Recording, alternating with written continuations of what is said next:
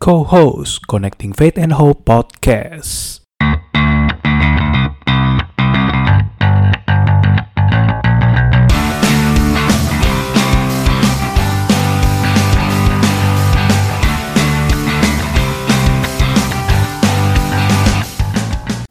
Kembali lagi di Connecting Faith and Hope Podcast bersama saya Yohanes. Kali ini kita masuk ke segmen di mana kita akan mendengarkan kesaksian hidup dari teman saya yang kebetulan pada saat episode yang pertama sudah kita ngobrol-ngobrol bareng nih. Nah, ini dia. Welcome, Airin.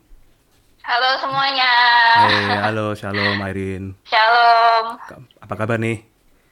Ya baik, puji Tuhan sehat. Sehat, puji Tuhan ya. Nah, kita kali Ya. ini ya, Rin, kita eh, segmen kali ini kita mau membahas tentang kesaksian hidup. Nah, mungkin kamu sendiri pasti punya pengalaman tentang eh, suatu mujizat dalam hidup kamu yang tentunya dapat mengubah imanmu dan mungkin pada saat itu menjadi titik balik imanmu untuk lebih dekat dengan Tuhan. Nah, boleh nggak di sharing sedikit aja tentang pengalaman itu? Hmm, boleh, boleh, boleh, boleh banget. Langsung mulai aja kak ini? Langsung aja. Oke langsung. Jadi gini, kalau soal kisah musisat sih sebenarnya mungkin dalam kehidupan setiap hari kita pasti ada lah ya musisat kecil yang mungkin kita nggak tahu kayak kita masih hidup, masih bernafas itu juga menurutku itu juga suatu keajaiban. Tapi kalau kisah musisat yang bener-bener amazing buat aku itu terjadi waktu aku SMP dulu kelas 2. Waktu itu tuh aku tuh tahap hubunganku dengan Tuhan ataupun dengan Bunda Maria dan para kudus itu belum seperti sekarang gitu. Masih kayak iman mula-mula, cuma sekedar katolik KTP, cuma tahu Tuhan ya dari pelajaran di sekolah dan ke gereja juga masih males-malesan sih waktu itu juga. Dan waktu itu itu aku kan matanya minus. Yap. Tapi hmm, sekarang kan aku pakai kacamata, tapi dulu aku sempat pakai lensa kotak lah. Ya maksudnya kan karena waktu itu masih anak-anak dan remaja stereotipnya kan masih kayak berpikir mau kelihatan lebih bagus dong. Kalau pakai lensa kotak kan lebih bagus kelihatannya. lebih good looking lah waktu- soft lens. Ya lebih good looking lah ya bahasanya kayak gitu. Ya waktu itu juga aku pakai lensa kotak Ya. dan waktu itu itu masa orientasi siswa, masa persiapan lah. Dan aku juga kebetulan anggota OSIS di SMP ku saat itu. Nah waktu persiapan masa orientasi siswa itu kan sekolahku juga kebetulan itu masih dalam tahap renovasi, dalam tahap pembangunan. Jadi kayak banyak debu berterbangan di mana-mana.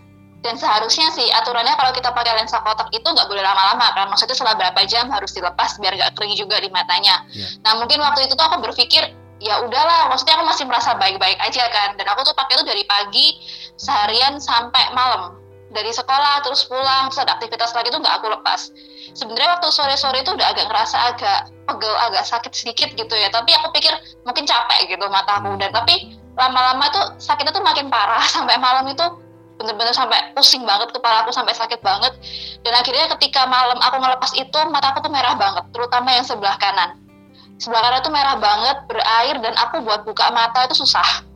Setelah aku lepas lensa kotaknya itu. Tapi aku pikir mungkin iritasi. Aku masih berpikir kayak gitu. Itu mungkin iritasi dan aku cuma kasih install aku bawa tidur dengan harapan besok pagi ketika aku bangun tuh semuanya udah baik-baik aja. Ya. namun ter- nah, namun ternyata nggak seperti itu. Ternyata besok pagi bangun itu ya makin parah gitu udah kayak makin aku nggak bisa buka mata lebih milih merem aja.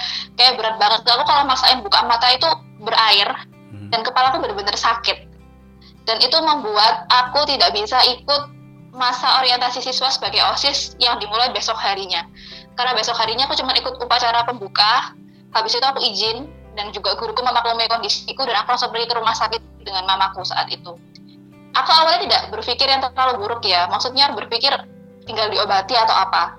Tapi ketika dicek sama dokter mata di salah satu rumah sakit swasta terkenal di Surabaya aku cukup shock ketika dokter itu mengatakan bahwa kornea mata sebelah kananku tuh rusak tergores dalam udah terlu udah luka gitu. Udah kayak nggak bisa diapa-apain lagi. Itu sih shock sih ya kayak lemes gitu kayak saking shocknya tuh kayak nggak bisa berkata apa-apa sih waktu itu. Aku kayak ngerasa beneran dah ini kayak aku ini masih umur 14 tahun. Eh belum sampai lah masih 13 tahun kayak Hmm. harus kayak gitu dan nggak sampai teriak nggak sampai apa tapi kayak dalam hati tuh kayak denial gitu kayak nggak percaya nggak mungkin. Apalagi dokter juga bilang ada kemungkinan bola matanya kan harus diambil diganti sama yang lain. Karena ya korneanya sudah terluka dalam sudah ya nggak berfungsi gitu loh. Dan akhirnya dokter cuma meresepkan obat buat apa ya buat mengurangi rasa sakitnya. Dan dia meminta untuk dikompres tiap hari kan supaya nggak kena debu nggak kena apa juga. Dan aku juga nggak bisa masuk sekolah. Dia cuma tidur di rumah. Ya waktu itu bener-bener kayak shock sih juga kepikiran. Kayak aku tuh menyusahkan mamaku Iya. juga waktu itu yang bersama dengan aku aku membayangkan perasaannya gimana dan waktu itu malamnya juga setelah pulang dari dokter itu aku tes aku pengen tahu separah apa sih sebenarnya kondisi mataku ini hmm. aku tes dengan tutup mata sebelah sebelah gitu kayak kita tes mata biasanya hmm. ketika aku tutup mata sebelah kanan mata kiriku masih bisa melihat tapi hmm. ketika aku tutup mata sebelah kiri mata sebelah kananku tuh tidak bisa membedakan apa pun kalau orang buta itu kan semuanya kelihatan hitam iya. semuanya yeah. gelap yeah. kalau mata kananku tuh kelihatan tuh kabut abu-abu semuanya. Aku nggak bisa lihat itu warna apa ini tuh bentuknya apa tuh nggak bisa kelihatan sama sekali. Soalnya benar-benar abu gelap dan saat itu aku benar-benar nangis. Kayak kayak mungkin ya aku nggak bisa terima gitu loh. Kayak shock. Tuhan kok kayak gini gitu loh. Kayak ya udah mau gimana lagi? Waktu itu kayak gitu sih rasanya. Di tengah ketakutan itu pada saat kamu tahu bahwa mata sebelah kananmu tidak bisa melihat pada saat itu apa yang kamu lakukan sesaat setelah itu aku bersyukur sih waktu itu ya waktu karena aku belum mengenal Tuhan seperti hmm. sekarang aku punya mama yang membantu aku gitu loh yang hmm. menguatkan aku dan mengajakku untuk berdoa hmm. jadi waktu itu kegiatanku selain tidur di tempat tidur karena nggak bisa ke mana-mana ya dan selain beristirahat juga ya berdoa dan berdoanya itu rosario dan novena dan itu aku ulangin berulang kali secara terus menerus selama beberapa hari ke depan ya waktu itu juga minta mukjizat kesembuhan dan juga meminta ya semuanya baik-baik saja yeah. aku serahkan semuanya sama Tuhan karena waktu itu aku juga nggak sampai yang benar-benar berharap kalau bisa sembuh gitu loh waktu itu aku cuma berpikir pasrah udah terjadilah menurut kehendakmu Tuhan hmm. yang pasti aku nggak mau membuat hmm.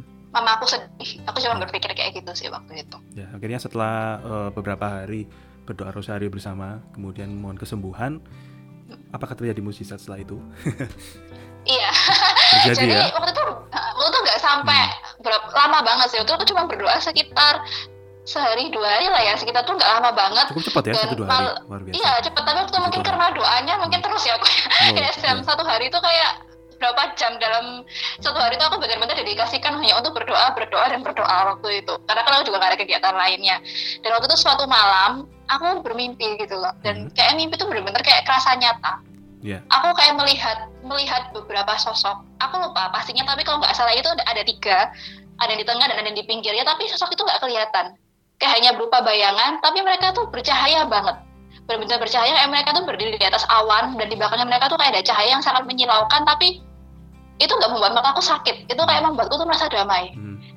dan salah satu sosok kalau aku tidak salah itu yang di tengah itu ngomong sama aku kamu nggak usah takut kamu jangan khawatir, kamu jangan menangis lagi. Besok kamu akan bisa melihat lagi, kamu akan sembuh. Dia bilang kayak gitu. Dan waktu setelah dia ngomong kayak gitu, aku membuka mataku dan ada air mata turun dari mataku.